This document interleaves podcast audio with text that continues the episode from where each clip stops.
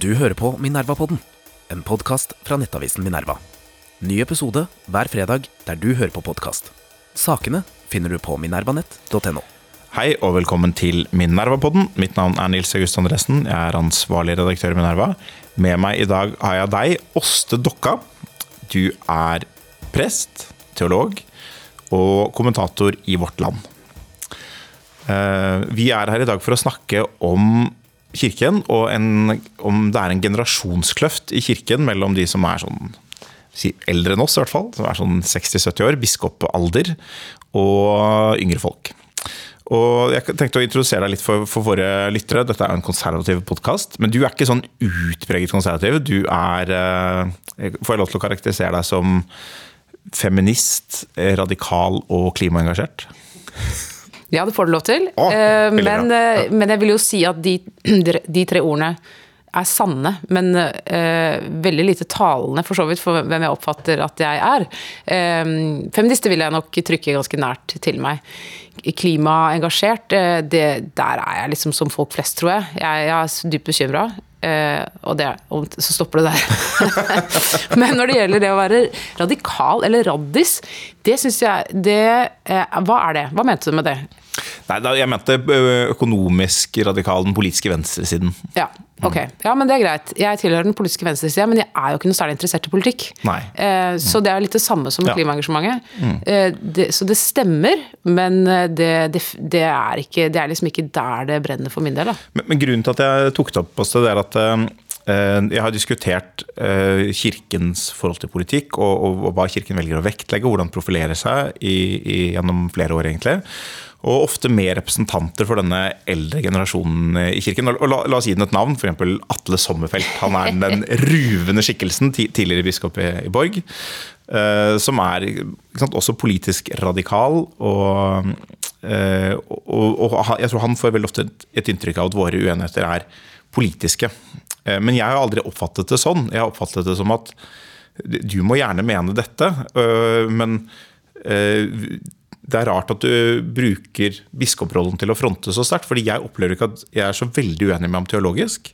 Men jeg opplever at øh, vi, øh, han fronter et politisk budskap som ikke både ligger i den teologien. Og så lurer jeg på hvorfor han gjør det, og hvorfor han ikke ser det. på en måte. Eller hvorfor han ikke skjønner hva det er jeg forsøker å, å si.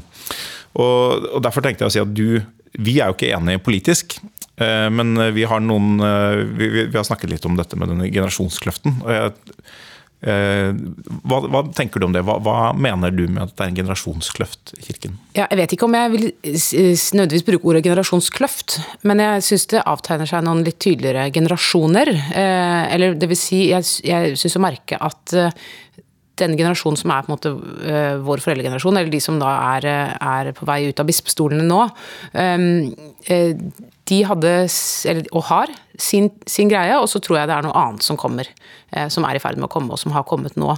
Eh, Og jeg, jeg har ikke lyst til å eh, liksom si at eh, Det er ikke noe som fadermord, dette her. Altså, jeg jeg syns at det er mye verdifullt i det som har vært. Fordi jeg tror at eh, for kirka sin del så var det nødvendig eh, og naturlig på 70-tallet, 80-tallet, 90-tallet eh, å liksom markere avstand fra det som hadde vært eh, den kirkelige stemmen eh, da. Eh, F.eks. på 70-tallet. altså hvordan de holdt på rundt abortdebatten, rundt eh, kvinnelige prester, eh, hom- homofili osv. Åpenbart at de som var unge da trengte å finne andre saker som de var opptatt av. Eh, og så, Det, var, det lå jo tida. ikke sant? 68-erne, Jesusvekkelsen, veldig sånn sterke sosialetiske eh, oppvåkninga, og ikke minst også at mange norske teologer dro til både Sør-Afrika og Latin-Amerika eh, Sør-Amerika for, og, og lærte om frigjøringsteologien der. Så, så der begynte jo sakte eh, liksom den motst eller den der, de der hindringene eh, som har ligget liksom i, de, i de, de lutherske kirkene mot å engasjere seg politisk, de, de liksom begynte å forvitre da. Men, og en generell etisk vending i teologien som har vart i over 50 år. Um, så det er på en måte De er jo barn av alle de tingene der. Og jeg tenker at det naturlig, har vært naturlig og, og til dels også viktig og riktig um, for kirka. Men, så er det jo, men spørsmålet for min del er nå er jo spørsmålet skal, skal man holde på sånn. Eh, og det ene handler jo om eh, hva man faktisk mener i de konkrete politiske sakene, og sånne generelle politiske saker. Og det andre spørsmålet er jo skal man mene så veldig mye, og på hvilket grunnlag. Um, og når det gjelder hva man mener, så ja, ikke sant? der vil jo du og, og Atle Sommerfelt f.eks. være uenige om hvilke politiske konklusjoner man skal trekke ut fra det teologiske. Men jeg syns også det er et spørsmål i hvilken grad kirka skal um, mene så forferdelig mye. Og så tror jeg jo at um, at det, man får et litt skeivt inntrykk hvis man bare følger med på hva kirka driver med via mediene. Og via de eh, stemmene som, som, på en måte bryter gjennom lydmuren. Eh, for da, da, da, vil man jo på en måte eh, sette et likhetstegn mellom kirka og eh, pressemeldingene eh, fra, fra, Kirkens hus. Det er jo ikke et riktig bilde, selvfølgelig. men når det er sagt, så, så, er, så, er, jeg med på, jeg er helt enig i at mye formidling fra Den norske kirkes ledelse i de siste åra har vært politisk og eh, ofte eh, en slags type venstreorientert samfunnsanalyse og, og svar. Du sa at eh, det vokste frem fra sin tid. jeg tror Det er veldig riktig det. Det er veldig lett å skjønne hva det er som er årsaken til at mye av dette engasjementet kom frem. og Det handler ikke bare om politikk, men også på de interne teologiske posisjoner eh, som det er naturlig at man reagerte på det som var. Uh, og jeg, er også veldig enig at det er, altså For oss som er i kirken oftere, så, så, får man et annet bilde av hva som skjer. Men det er jo til veldig liten hjelp, uh, for, de aller fleste er veldig sjelden i kirken. Så de aller fleste kan bare følge kirken gjennom pressemeldinger eller Dagsnytt 18-opptredere. Og jeg, jeg, tenkte på da, Atle Sommerfelt var jo da på Dagsnytt 18 forrige uke og hadde hatt et utspill om at nå er det viktig at uh, man åpner opp nattverden for ikke-troende.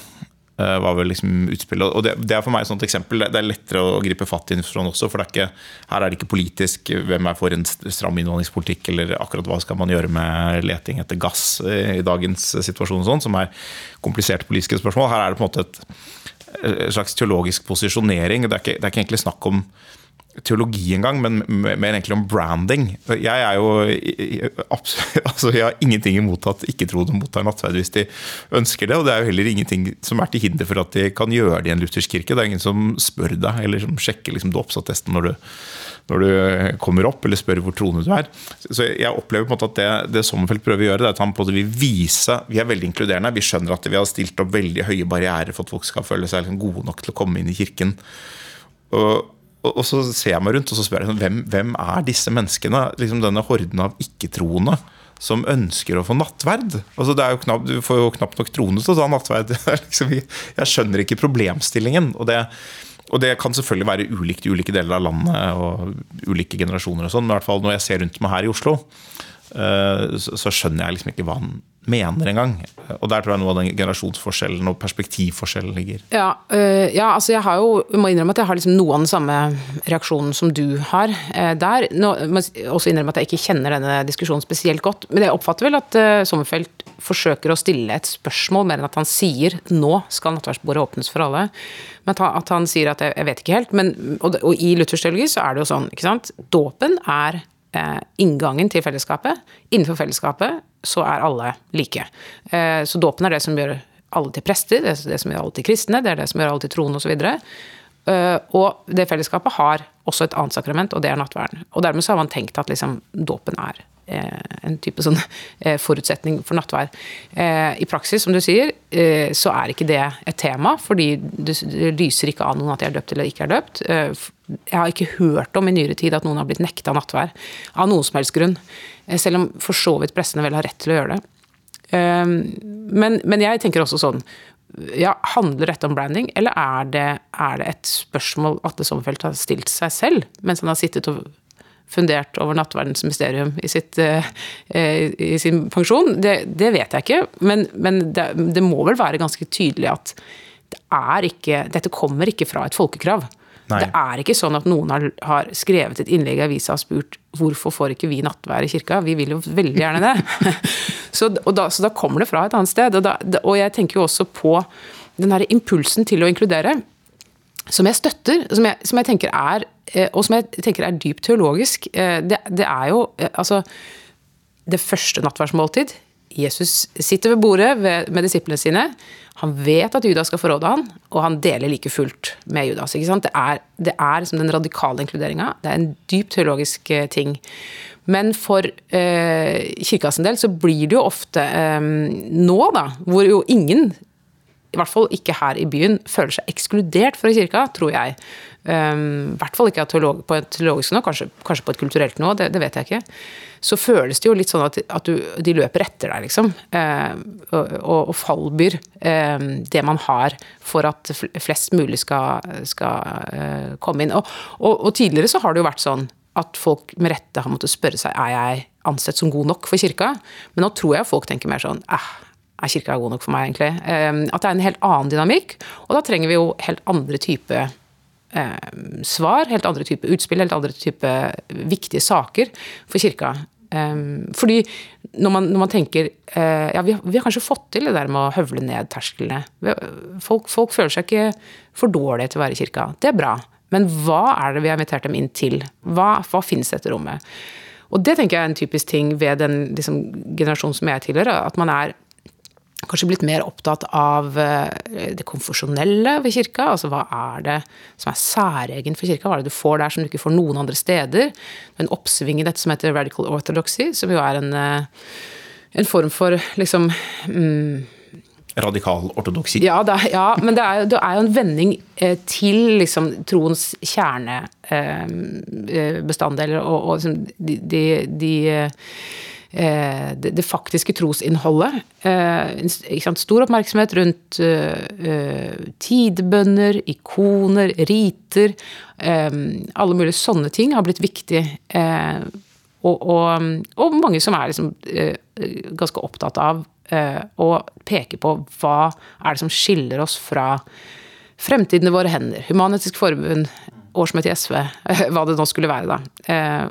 Hvor man prøver, leter nok litt etter sin egen identitet. Mm. Det, det, er jo interessant at du sier det, for, min opplevelse nettopp på denne eldre generasjonen er at det, når man spør hvem er det vi skiller oss fra, så virker det som for meg, da, hvor er det det kommer fra? For, for det er som du sier, det kan godt hende at Atle Sommerfelt har sittet og tenkt eh, teologisk over nattverden, og det er ikke sikkert jeg ville vært så veldig uenig med ham en gang uh, i akkurat et spørsmål, men det er, på det, det er mer at det, det er denne type spørsmål som ofte melder seg, som de velger å kommunisere. Og For meg så fremstår det som om det man hele tiden, det som er drivende, enten bevisst eller ubevisst, det er at man vil distansere seg fra konservativ teologi, eller eventuelt konservativ politikk eller høyreorientert politikk. Og, og du, du, sa, jeg synes det var en god formulering, altså er, er, god, er jeg god nok for Kirken? Har blitt til er Kirken god nok for meg? Og, for Jeg har ofte formulert det litt annerledes, jeg tror kanskje din formulering er bedre. For jeg, Man har gått fra at Kirken har vært en moralsk autoritet, uh, si frem til 1960-70, kanskje og vesentlig lenger noen steder, til at Kirken ble oppfattet å ha en autoritær moral. Det er en vending som skjer mellom 1970 og 2000 omtrent. Uh, og Det har vært, vært, min formulering. Og så er det som har skjedd siden det, er at Kirken har på en måte eh, si, uh, Man kan bruke ulike ord. Man har tilpasset seg, kapitulert. Eller man har, uh, man har i hvert fall endret, endret, seg. Kirken har ikke en autoritær moral lenger. Det går ikke an å si det om Den norske kirke. Det, er, det, det gir liksom ingen mening å si det. Og så er spørsmålet har det sunket inn i befolkningen. Og For meg fremstår det litt som om Atle Sommerfelts Utgangspunktet er at det har de ikke. Dette budskapet må fortsette å bankes inn. Eh, mens, mens, for alle de som er vokst opp etter år 2000, eh, så, så skjønner man nesten ikke spørsmålet engang, for det man aldri opplevd uh, egentlig noe annet. Og, og det, det, er ikke, det, er ikke, på det at det er helt absurd, det som Sommerfeld tenker. Jeg husker jeg jobbet jo for Høyre i gamle dager på Stortinget. Det var i 2008-2009. Og da husker jeg vi så en sånn undersøkelse av hva, hva er det folk forbinder med Høyre. Uh, og da liksom, Det var, sånn, sånn som det har vært på Brille med Harald Eia. Det er sånne store bobler som viser de vanligste tingene folk sier. Ordskyer? Ordskyer, ja. Og jeg tror den største ordskyen var Kåre Willoch. Og det var da 22 år etter at han gikk av som statsminister. Så, så, det tar alltid tid å endre oppfatninger av, av hva noe er. Uh, men på et eller annet tidspunkt så må man erkjenne at de endringene skjer. Eh, og det er vel noe, av det som også forklarer da, at det, er et veldig stort behov for eh, hos yngre som har vokst opp i en liberal kirke, at er, må, nå er det viktig at vi klarer å, eh, å avgrense oss eller å vise oss som er særegent fremfor alle de andre tusen liberale tilbudene som fins i samfunnet. Mm, og jeg tror jo, altså jeg tror, nå, Vi sitter jo midt i Oslo nå og har, er jo kanskje på det stedet i Norge som er mest sekulært, hvor kirka er mest liberal eh, osv. Og, så og jeg tror nok at du skal ikke veldig langt bort herfra før du finner liksom et ganske annet bilde av både hva som sies i kirken, og hva, hva, folk oppfatter som en typisk prest, f.eks. Eh, hvis, hvis du drar på Jeg er jo mye rundt og snakker med, med både prester og andre kirkeansatte, og hvis du hvis du drar og skal holde et foredrag for et prosti et eh, ganske annet sted enn i Oslo, så ser du at der sitter det noen eh, strenge eldre herrer med, med, med, med bart, liksom. Det er, det, det, er ikke, det er, ikke, helt feil. Nei, bart var kanskje litt feil. Eh, ja, det kan de sikkert også ha. Men også sånn den derre eh, presten på norsk film, eh, som jo på en måte er jo Jeg tror egentlig ofte de som lager de karakterene, eh, bare har sett prester på andre norske filmer. Mm. De lager liksom en, en karikatur, men den er, den er, nok Den lever jo på, et, på, en eller annen måte, på samme måte som Kåre Willoch lever eh, liksom i Høyres eh, eh image, da. Så, det, så, jeg tror ikke det er helt feil å på en måte stadfeste eh, flere ganger at ja, vi er nok ikke akkurat helt sånn som, eh, som den fordommen er. Nei da, men det, det er liksom, noen ganger skal gå litt langt. Jeg kan, jeg kan, nevne noen andre eksempler. For jeg har dette med ok, nattveien skal åpne for alle, greit nok. Eh, så var det da dette eksempelet helt nylig om begravelse, sekulær begravelse i kirken forrettet av en prest. Ja, livs, livssynsnøytral seremoni tror jeg var begrepet, begrepet som bruktes. Ja. Noe som jo er helt Jeg skjønner ikke hva det betyr. Altså, Hva er en livssynsnøytral begravelse? Det, ja, det er jo uklart. Det er veldig uklart ja, altså, hva det er. Det, hvis, ja. hvis, man både ikke, Jeg kan skjønne hva man mener, men jeg vet ikke helt hva det har å gjøre i, kirken. på en måte. Men det, det er, sånn, man, man, det er ikke liksom nok at noen sier her er vi, vi, er, vi er ikke den der eh, mørke mannen som du forbinder deg med. Man går liksom lenger enn enn noen annen organisasjon ville gjort. Hvis vi tar det motsatte eksempel da. Human-Etisk Forbund ville aldri ha forrettet en kristen begravelse. Uh, og, og, og, det er det er unaturlig. på en måte, Det, sånn, det blir litt parodi. Og Du har liksom noen av de samme tingene. Det har ikke kommet til norske kirke ennå, men eh, vi har vel intervjuet om dette i Minerva også, også. Men den svenske kirken her har man hatt en debatt i sånn svensk kirketidsskrift om eh, bør kirken åpne for polyamori. Eh, som er, liksom, eh, som er, interessant, hvis man tenker på hele den debatten som har gått om uh, ekteskapsloven og, og, sånn, hvor et veldig viktig argument for oss som er liberale har vært at det er viktig å kunne, at andre får tilgang til forpliktende samliv. ikke sant? Forpliktende tosomhet. Og så finnes det selvfølgelig argument for polygami, men, men det, det, liksom, det virker bare rart. på en måte, Hvorfor er dette, er dette det temaet Kirken skal ta i. Og det, det, ja, ja, nei, akkurat den der siste eh, greia der, eh, det tenker jeg jo er eh, det er jo ofte at kons teologisk konservative folk eh, dytter den debatten foran seg eh, som et argument i homofilidebatten. Eh, hvor man sier sånn hvis dere tillater sex mellom to menn, så kan dere jo tillate at tre stykker er gift med hverandre. Ja. Men man kunne jo like godt sagt hvis man tillater sex mellom to mennesker, så kan man jo tillate altså sånn. Så, ja. så det er skråplansk argumentasjon er jo helt Bibelen åpner jo fullt ut for uh, polygami. Altså, det, er jo, det, er ikke, ikke noe tvil om det. Eh, det er masse polygami i Bibelen. Så, så akkurat den debatten Men jeg er for så vidt enig i at den er rar. Eh, fordi den er så, den er så veldig, veldig Den angår så veldig få mennesker. Og i tillegg så har jeg ikke registrert at det finnes noen faktisk polyamorøse mennesker som gjerne skulle ønske å gifte seg i kirka. Det, det ønsket har jeg på en måte ikke oppdaga. Og, og, det er det samme som spørsmålet om muslimer som vil komme til nattvær. Eh, jeg, jeg, tror jo, det, det kan godt hende det skjer, men det, liksom ikke, det, kommer ikke derfra. Det er på en måte bare en impuls i kirka til liksom hvor kan vi inkludere nå. Eh, men jeg tror den begravelsen i Sagene kirke, som du nevnte, den har nok et annet utspring. For det tror jeg rett og slett eh, grunnen til at det kom i det hele tatt, var at uh, han som ble begrava, har vært en ekstremt viktig person i lokalmiljøet på Sagene. Um, og en venn av presten osv. Uh, hvor Sagene kirke har jo en sånn bydelsstuestatus. Ligger midt på torget, den er åpen veldig mye. Uh, mange, veldig mange har et forhold til den. Og så tenkte de nok sikkert litt sånn det er rett og rimelig at han, at han gravlegges herfra. Og det, det, kan de nok ha hatt på en måte en slags type god sånn sjelesørgeriske grunner til. Eh, men, det skaper massevis av problemer, fordi hvem, da må du spørre sånn, hvem er det som har en sånn posisjon at det er greit? Eh, er det, gjelder det for alle, eller gjelder det bare for eh, kjente politikere, liksom? Så, så, så, det med at kirka skal oppføre seg likt overfor alle, det, det, blir vanskelig da. Men jeg, jeg, tror jo, jeg, tror jo, at man kan Jeg tror nok at kirka kan tenke fordi kirka ha, tross alt har et ganske sterkt hegemoni, så kan man tenke at vi er, har en forpliktelse til å være gjestfrie på et annet nivå mm. enn det mindre organisasjoner eh, har. Vi, vi, har både råd til det og en forpliktelse til det. Men, men, på den andre sida så har jo ikke kirka noe hegemoni. Eh, den har veldig mye hus. Ehm, så, så jeg, jeg, er ikke helt sikker på om det er en god analyse. Eh, at kirka på en måte bør tenke at den skal være Den er så stor, den er så solid, den, den, den eier så mye at den skal være vertskap for, eh, for hva det skulle være, da. Men det som jeg virkelig er skeptisk til, er at en prest skal lede det. Det syns jeg er svært underlig. Eh, jeg tenker Som prest så eh, skal du forrette, nei, forrette begravelser etter, et, etter, det som er vedtatt i, i kirkemøtet, den liturgien. Eh, og hvis du ikke gjør det, så, så avviker du på en måte fra, fra jobben din. da. Du er ikke seremonimester som, som frilanser, liksom. Du er det på oppdrag med et helt bestemt, konkret måte å løse det på. Altså, jeg, sånn, jeg, jeg, merker at jeg blir sånn alltid litt delt i noen av disse sakene. for jeg, sånn Teologisk sett så, så, har jeg veldig sans for en, en, det du kalte en radikal inkludering. altså Det ligger jo, eh, det ligger jo litt liksom, i, i selve kjernen i offeret i kirken. At man eh, Kristus ofrer seg for oss. og det er ikke, Poenget er ikke å bli tilbudt, tilbedt og æret og liksom at alt gjøres forskriftsmessig, men å kunne gi.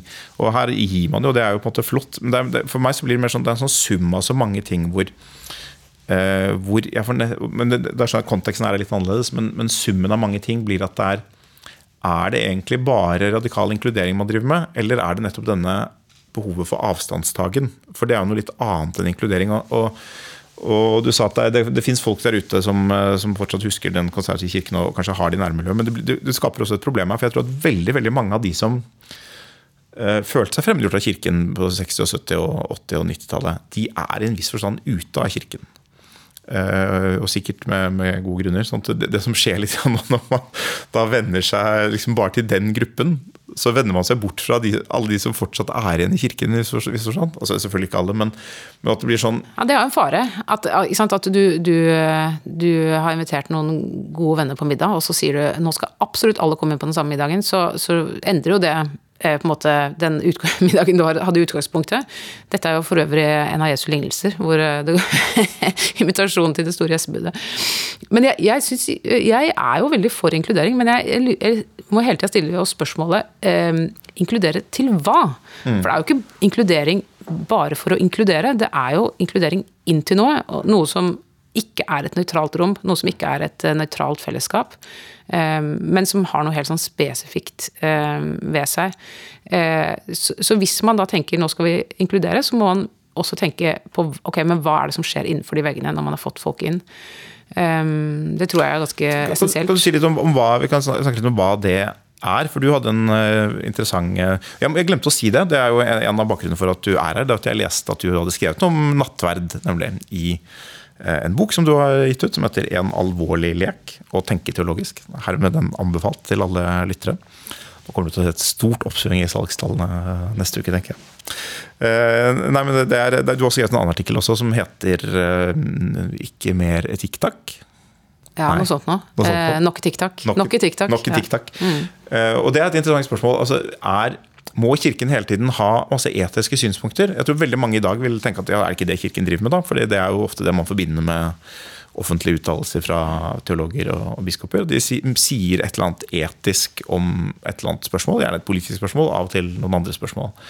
Men, eh, men hvis, hvis, det er nok etikk, hva er det Kirken driver med? Hva er det man gjør ja. i, i Nei, altså, jeg, jeg, jeg, tenker jo at sant, Jeg er utdanna prest og har jobba som prest. Og hva er det man gjør når man er prest? Jo, man forvalter sakramentene og forkynner evangeliet. Og evangeliet er det gode budskapet. Det er ikke en liste over hva du skal gjøre og ikke gjøre. En liste over hva som er bra og hva som er dårlig.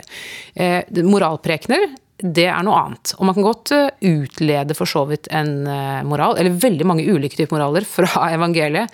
Ehm, det finnes massevis av eh, moralske implikasjoner i Bibelen. Eh, men, men eh, jeg, jeg, har ikke noe mer sans for eh, en type samfunnsmoraltenkning, sosialetisk moraltenkning i kirka, enn en sånn pietistisk seksualmoraltenkning eller eh, tenkning om alkohol eller dans eller hva det skulle være. Altså jeg tenker at det er, det er sekundært i kirka, og jeg tror vel for så vidt ingen er interessert i å høre hva presten syns er god moral. Man kan kanskje være interessert i å snakke Nei, med en ja. prest om det, men, eh, eller en teolog, men det, det, det tror jeg rett og slett bare ikke er det, der fokus skal ligge, da. Eh, og jeg, jeg syns også det er forferdelig vanskelig å skulle si hva kristen moral er for noe, for det er tusen millioner forskjellige ting. Eh, det er jo samme spørsmål som hva er kristen politikk. Det er jo helt umulig å si hva det er for noe. Jeg mener jo noe om det, ikke sant? og det gjør du òg. Og vi mener jo sikkert alle noe om hva som er god kristelig moral, men det er, det er veldig store sprik i hva det skal være. Eh, og heller ikke hovedfokus. Så jeg tenker jo at eh, man hele tida må tvinge seg tilbake til hva er det som er godt nytt, og prøve å snakke om det. Og det er jo ikke så lett. For det er jo veldig fristende å snakke om moral, for det kan jo alle skjønne hva er. Og det kan vi diskutere. Det, det er liksom mulig det, om, det er veldig konkret. Det handler om livene våre, hvordan vi lever, og hva vi skal gjøre med hendene våre. Eh, Men det å snakke om eh, det, det som ligger et hakk under eller over eller bak, det er litt mer komplisert. Det å prøve å si noe teologisk, og si noe om det man tror på, Um, si noe om hva dette Hva er det for noe kristendom er? Det syns jeg er kjempevanskelig, uh, og krever ganske mye mot. La meg referere til boken din eh, igjen, også, men du refererer videre til, til Paulus, tror jeg, som sier eh, det gode som jeg vil, det gjør jeg ikke. Det onde som jeg ikke vil, det gjør jeg. Og Det er en, det står en veldig sånn kontrast til Sokrates, som sier 'den som vet det gode, gjør det gode'. Så Hos Sokrates og hos Platon så er liksom, den filosofien så er utføring for å gjøre det gode det er å skjønne hva som er det gode. Så som Hele filosofien handler om å liksom lage kriterier for å avgjøre hva det er som er godt. Men hos Paulus så, så er jo poenget med at i de aller fleste tilfeller så har vi en idé om hva som er riktig å gjøre, det ikke, men det er vanskelig å gjøre da. Det er, det er der problemet ligger. Uh, og der ligger det også på en, en side ved, ved kristen moral. Da. Det handler jo om å klare å leve ut den etikken som man vet fins. Og, og det, jeg tror veldig ofte det er, det er det jeg gjerne skulle vært utfordret på eh, i kirken. Så er det ikke sånn, jeg, jeg, har mine syn på hva som er for en klok eh, asylpolitikk eller en klok eh, energipolitikk. Og der tror jeg ikke at kirken kan hjelpe så veldig mye, for jeg har tenkt veldig mye på disse spørsmålene selv. Men utføringen er på en måte å finne mot til å velge det som er riktig, og klare det som er tøft å stå i, for å gjøre det som er riktig. Ja, og, jeg tror... og utfordre seg selv på å ikke bli unnvikende feig, vike unna bekvemmelighetshensyn, bli grådig, egoistisk, stolt, tålmodig. Liksom alle disse tingene. Ja. Nei, og Utgangspunktet for Paulus det er jo at loven er skrevet i hedningenes hjerter. Altså, Etikk det er allment tilgjengelig. Det er noe alle, alle, alle, har tilgang på, uavhengig av noen åpenbaring eller kristendom eller hva det skulle være. Eh, så det handler ikke om å vite. Det vet vi allerede. Og det, det tror jeg på en måte er ganske gjenkjennelig. Jeg tror de fleste vil si ja, vi vet faktisk hva som er godt. Sånn cirka, i hvert fall. Så cirka det endrer seg litt over tid, da. ja, det gjør det. Og det er jo er litt folkemord greit av og til. men, men og, er, da, da, blir jo det spørsmålet du stiller, ja, men hva, hva, er det som skal få oss til å gjøre det? Det er det ene spørsmålet. Men det andre spørsmålet er også hva skjer når vi ikke klarer det?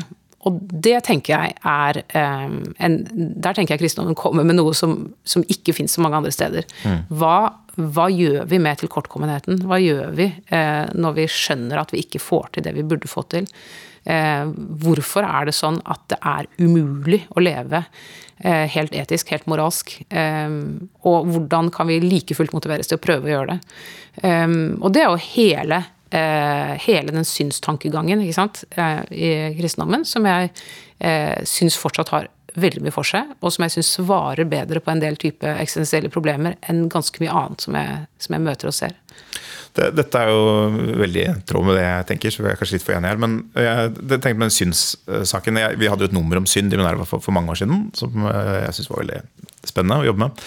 Eh, men omtrent på samme tid så Eh, kanskje litt senere, så endret man i Den norske kirke syns, synsbekjennelsen, som man begynner gudstjenesten med. Det pleide å hete Det er ikke begynnelsen. Det er veldig mange ting som skjer før synsbekjennelsen. Ja, det er klokkeringing, det er salme, det er nådehilsen osv. Men ja, den er tidlig i gudstjenesten. Mm.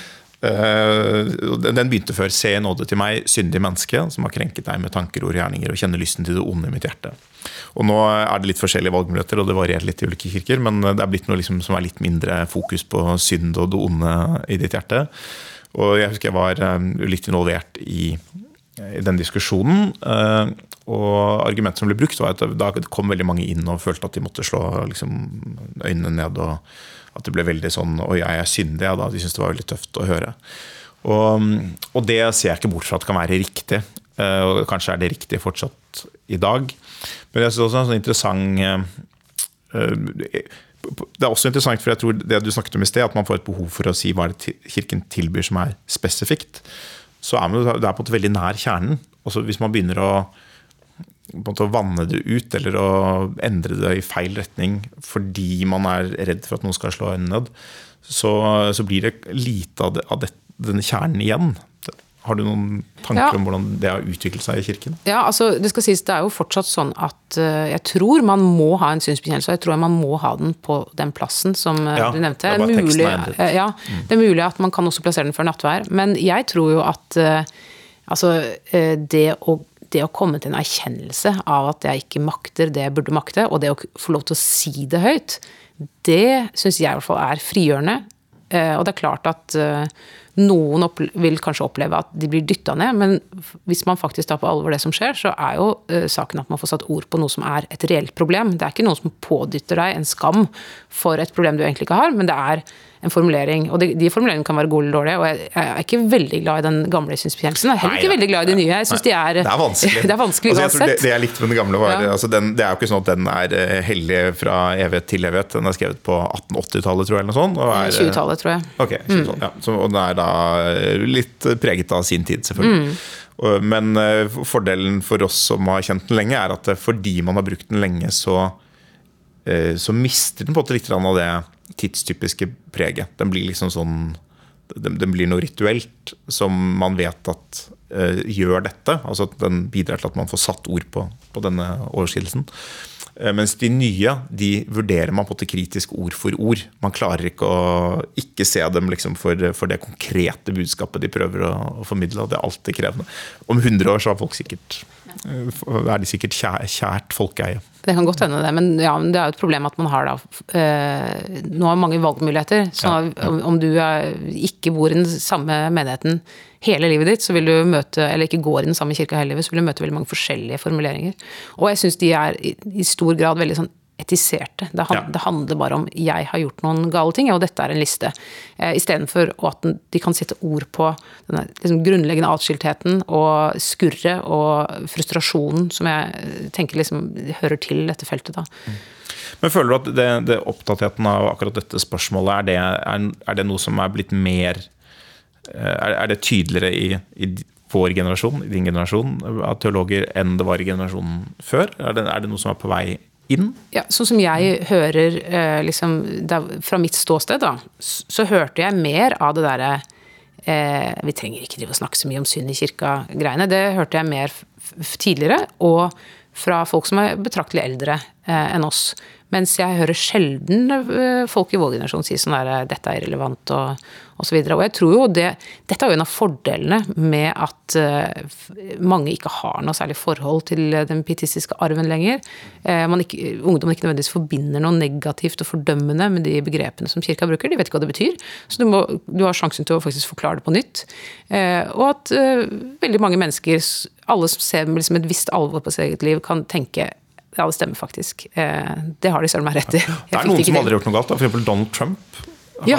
Har, aldri gjort noe han ja. på første, ja. Men han er vel kanskje ikke luthersk eh, kristen heller? Nei, han er ikke luthersk. Nei. Så det er nok der problemet ligger. Men, men, man kan jo skjønne igjen, det er det samme, man kan skjønne hvorfor dette ble problematisk i en tidlig generasjon. At man kom inn, Hvis du går til 1970 da, og spør folk hva er det kirken mener er synd, så ville folk nok gitt en sånn liste over ting. Det er kortspill og dans og alkohol og onani og sex før ekteskap. Liksom. Det, er sånn, det, er en liste av ting hvor man gjør synd til til den listen. Det er til og med en bok som heter 'Er det synd og prikk, prikk, prikk'? Eh, som ble gitt ut en gang for noen år siden. Og da, da går man rett i den fella, tenker jeg. Ja. Ja. Og da har man jo på en måte et behov for å si at kirken må ikke snakke om synd så mye. Så selv om det egentlige svaret er kirken må snakke om synd på en annen måte. Eh, og, det, og, det, gjelder jo mye av denne generasjonstingen at det er jeg tror de aller fleste teologer i dag, og, og til og med politisk konservative som er i dag, vil si at den teologien man forfektet sånn rundt 1950, den var på en måte preget av et sett med, med utenom, utenom kristelige forhold som vi ikke kjenner oss igjen i og ikke ønsker. Som, det er ikke noe rart at, at folk tok et oppgjør med det, men jeg tror at mye av det som har skjedd, er at den, kom, den generasjonen som kom inn og gjorde noe med disse tingene, som var med på denne endringen, de har, de har også de har preget veldig mye av kirkens uttrykk nå i de siste 20, 20 årene, og har kanskje også bidratt til det, det som jeg opplever som en fare da, som politisk konservativ, at det er eh, de har fått med seg på den bivirkningen av en politisk slagside og, en, eh, og kanskje en teologisk slagside som ikke var intendert, som gjør at mange mennesker som egentlig hadde, burde passet fint inn i denne nye kirken, har følt seg litt dyttet ut. Og jeg, jeg har vært og snakket for, for prester i, i Oslo om bl.a. denne politiske skjevheten som jeg mener ligger der. Hvor veldig mange av de yngre prestene sier at de er eh, enige og kjenner seg igjen, men syns det er vanskelig å, å, ta det opp. Eh, og det er enten prester som faktisk befinner seg på høyresiden politisk, som syns det er veldig krevende, eller folk som finner seg på venstresiden politisk, men som ikke ønsker som, litt som du sier nå, det er ikke det. Det er ikke derfor jeg er prest.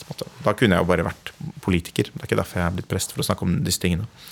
Så, men eh, Jeg tror kanskje at det er en endring på gang, men at den typisk, det som typisk skjer, er vel at den endringen vil ta lang tid.